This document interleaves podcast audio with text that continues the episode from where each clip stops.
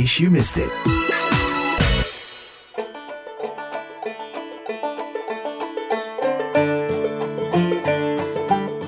Hai pendengar VOA, saya Rifan Dwi Astono. In case you missed it, di Bandung, Jawa Barat, ada sekelompok pemuda, lima sekawan, yang viral di media sosial karena aksi mereka membersihkan sampah yang menyumbat sungai atau saluran air. Bayangin nih, mereka mencelupkan diri ke dalam kali yang dipenuhi tumpukan sampah yang isinya macam-macam. Dari sisa makanan, plastik bungkus deterjen, sampai bangkai binatang. Nama geng mereka Pandawara Group. Video mereka di TikTok udah ditonton ratusan juta kali, di like puluhan juta kali, dan akun TikTok mereka juga di follow jutaan orang. Banyak yang muji dan berterima kasih, tapi ada juga yang mengkritik dan menuduh cuma cari sensasi. Uh, Rifki sama Ihsan boleh mengenalkan diri dulu nggak? Oke. Okay. Desember lalu, saya ngobrol sama mereka via Zoom. Uh, perkenalkan, nama saya Muhammad Ihsan Destian, biasa dipanggil Ihsan. Eh, kesibukan selain di Pandawara, saya sendiri sebagai mahasiswa di salah satu universitas di Bandung. Perkenalkan, nama saya Muhammad Rifki Sadullah. Ya, selain kesibukan di Pandawara, sama saya juga masih mahasiswa di salah satu universitas di kota Bandung. Nah, gitu. nah Pandawara terdiri dari berlima kak. Uh, saya, uh, Isan, Rifki, ada Gilan, ada Rapi sama Agung. Kalau yang tiga itu kak, yang tiga itu kesibukannya dia mereka tuh punya bisnis online gitu kak. Jadi selain dari di Pandawara, mereka tuh punya bisnis online. Gitu. Kalian tadi semuanya seumuran sekarang usianya.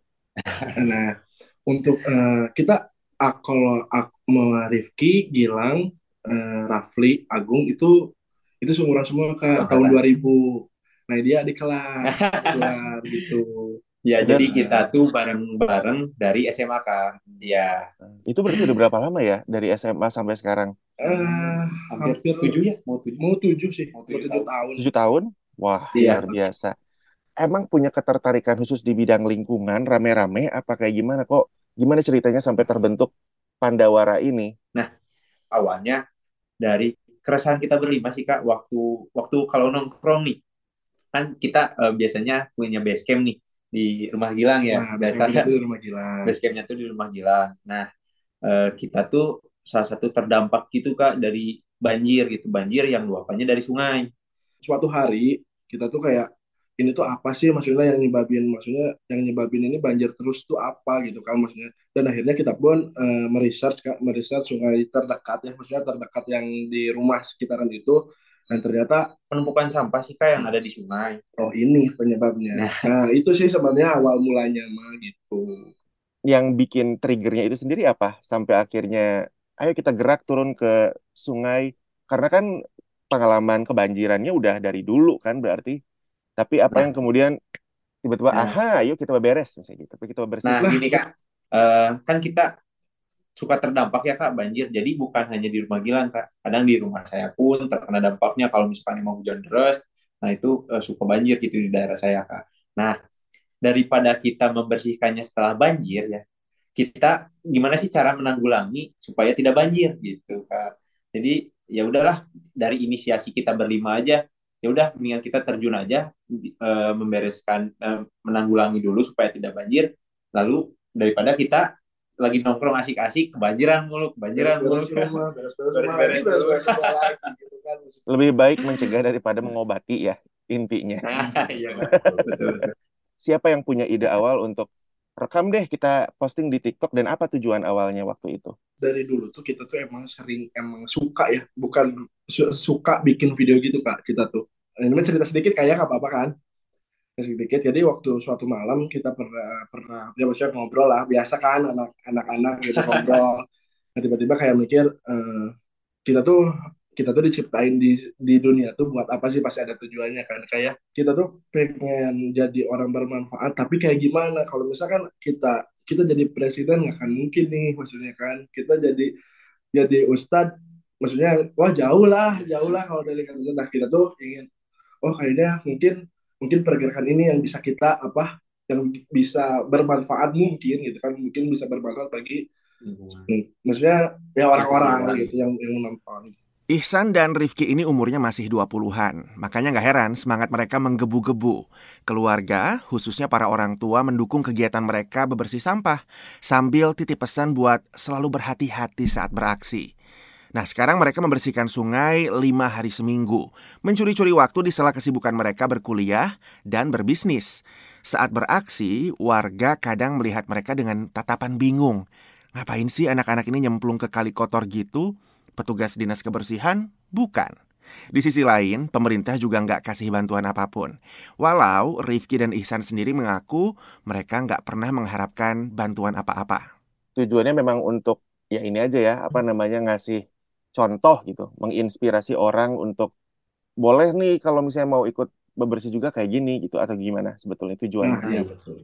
Gitu ya. Nah, justru uh, emang ya kak dari netizen atau misalkan dari warganet itu banyak yang uh, kak open volunteer gak kak uh, hmm. bisa nambah anggota mungkin dari kita tuh gimana ya bukan kita menutup untuk uh, menambah anggota atau membuka volunteer untuk di pergerakan ini cuman dari kitanya tuh lebih ke mikir kita belum ada pertanggungjawaban nih karena untuk membersihkan sampah atau resikonya tuh terlalu tinggi kan. Ya. Nah kita tuh belum siap untuk menerima resiko apabila ya, terjadi uh, ya apa yang terjadi yang tidak diinginkan lah lebih kita senang tuh uh, dan gimana ya berpikirnya secara efektif gimana sih untuk warganet itu membentuk seperti atau menjalankan konten dan pergerakan seperti kita di uh, wilayahnya masing-masing. Nah, gitu. Jadi kan titiknya lebih banyak gitu. Jadi diperluas gitu ya. Jadi kan lebih lebih bagus juga gitu kan. Dan kita pun lebih gimana ya happy uh, kalau misalkan ngelihat bang boleh nggak sih kita ngikutin konten yang uh,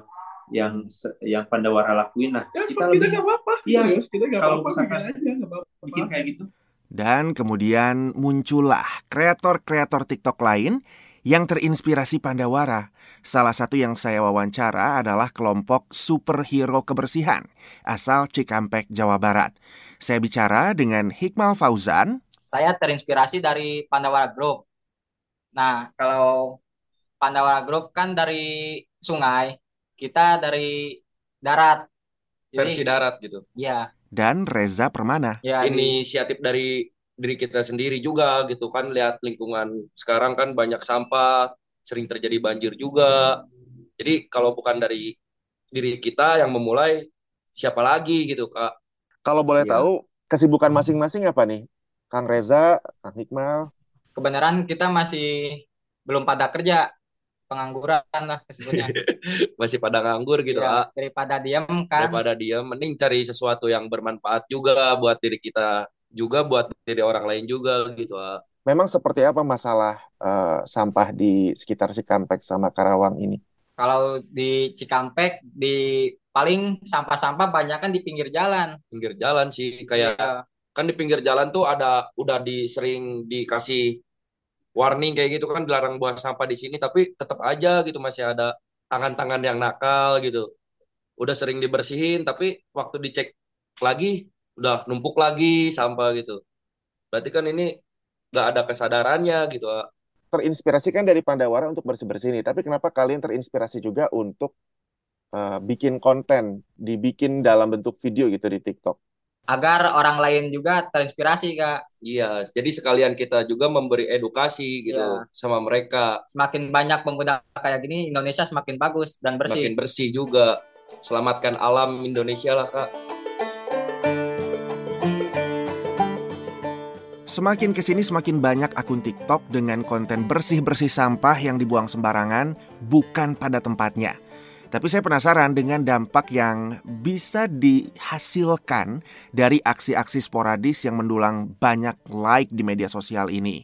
Saya ngajak ngobrol Dwi Sawung, manajer tata ruang dan infrastruktur dari Wahana Lingkungan Hidup Indonesia atau WALHI. Kalau saya lihat ya, uh, sebagai kesadaran individu sih bagus begitu ya. Tapi sebagai uh, dia mengatasi persoalan uh, pengelolaan sampah yang besarnya sih enggak gitu dan hmm. Hmm, belum tentu juga itu jadi uh, memicu orang untuk uh, tidak membuang uh, sampah ke sungai begitu belum tentu juga begitu hmm. karena kan dulu misalnya ada kalau ini apalagi kalau di Bandung ya dulu misalnya ada Pak Sariban yang tiap hari bersihin apa jalan di Jalan Pahlawan uh, tapi tetap aja nggak membuat orang uh, terbangun kesadarannya dan nggak tetap juga nggak merubah sistem gitu walaupun dengan platform mereka yang bisa dilihat lebih banyak orang dibanding kalau pasar riban kan nggak punya platform yang ya, sama gitu orang. istilahnya. Ya dilihat orang dilihat cuma impactnya kan kita belum tahu ya. Uh, pasar hmm. juga kan dilihat bahkan dilihat orang yang tiap hari lewat situ kan sebenarnya ya. Hmm. Uh, supaya nggak membuang sampah di situ tapi tidak mengubah perilaku juga. Apalagi kalau nggak ada ini ya, apalagi kalau nggak ada perubahan uh, pengelolaan sampah di kota atau kabupaten di mana mereka tinggal gitu. Kalau pengelolaan sampah begitu-begitu aja, uh, ya masih begitu saja begitu ya. Iya, iya. Orang antar jadi nggak ada hubungannya gitu ya antara orang yang membersihkan dengan yang membuang yang membuang tetap membuang yang membersihkan tetap membersihkan membersihkan gitu. Jadi nggak tertranslate istilahnya ya ke dunia nyata apa yang mereka lakukan ya, ya, ini? apa ya nggak uh, view-nya nggak nggak jadi jumlah view yang besar nggak menimbulkan jadi gerakan nyata di apa gerakan di dunia nyatanya begitu. Akar masalah utama uh, kebiasaan membuang sampah sembarangan itu sendiri apa sih mas sebetulnya di masyarakat Indonesia? Khususnya mereka yang suka buang sampah ke saluran pembuangan air misalnya ke drainase atau misalnya sungai gitu.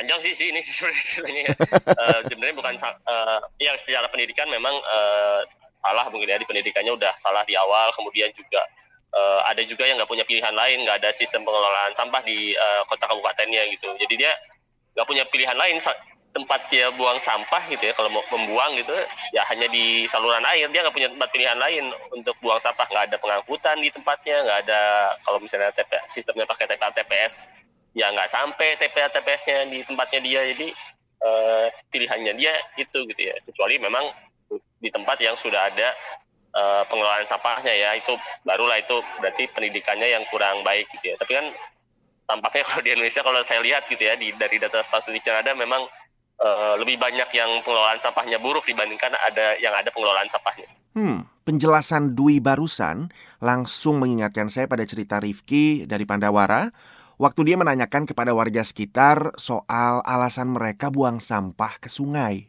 Uh, sempat kita tanya ke, ya, ke warga sekitar, uh, Pak, uh, maksudnya ini kenapa sih sampai bisa apa sampai bisa ini sampah kan nggak harusnya di sini gitu, kenapa di sini dibuangnya gitu kan? Ya, karena ya karena pemerintah pemerintah nggak ada nggak buat apa ya nggak buat nggak buat mempermudah. Iya nggak buat mempermudah gitu. sampah buang sampah nggak ada tempatnya gitu. Nggak nggak nggak dibuat tempat sampahnya ya tapi kan kita juga nggak bisa gitu kan yang nggak bisa nyalahin pemerintah gitu. ya maksudnya itu kan tingkat kesadarannya gitu tingkat kesadarannya masing-masing sih sebenarnya. Jadi nggak bisa sih kalau misalkan saling nyalahin nggak ada nggak bakal beres antara masyarakat sama pemerintah. gitu. Itu dia obrolan saya dengan Pandawara Group soal aksi viral mereka membersihkan sampah di sungai yang mereka harap bisa membuat orang-orang, termasuk saya, sadar untuk menjaga kebersihan. Sampai jumpa di episode In Case You Missed It berikutnya. See ya!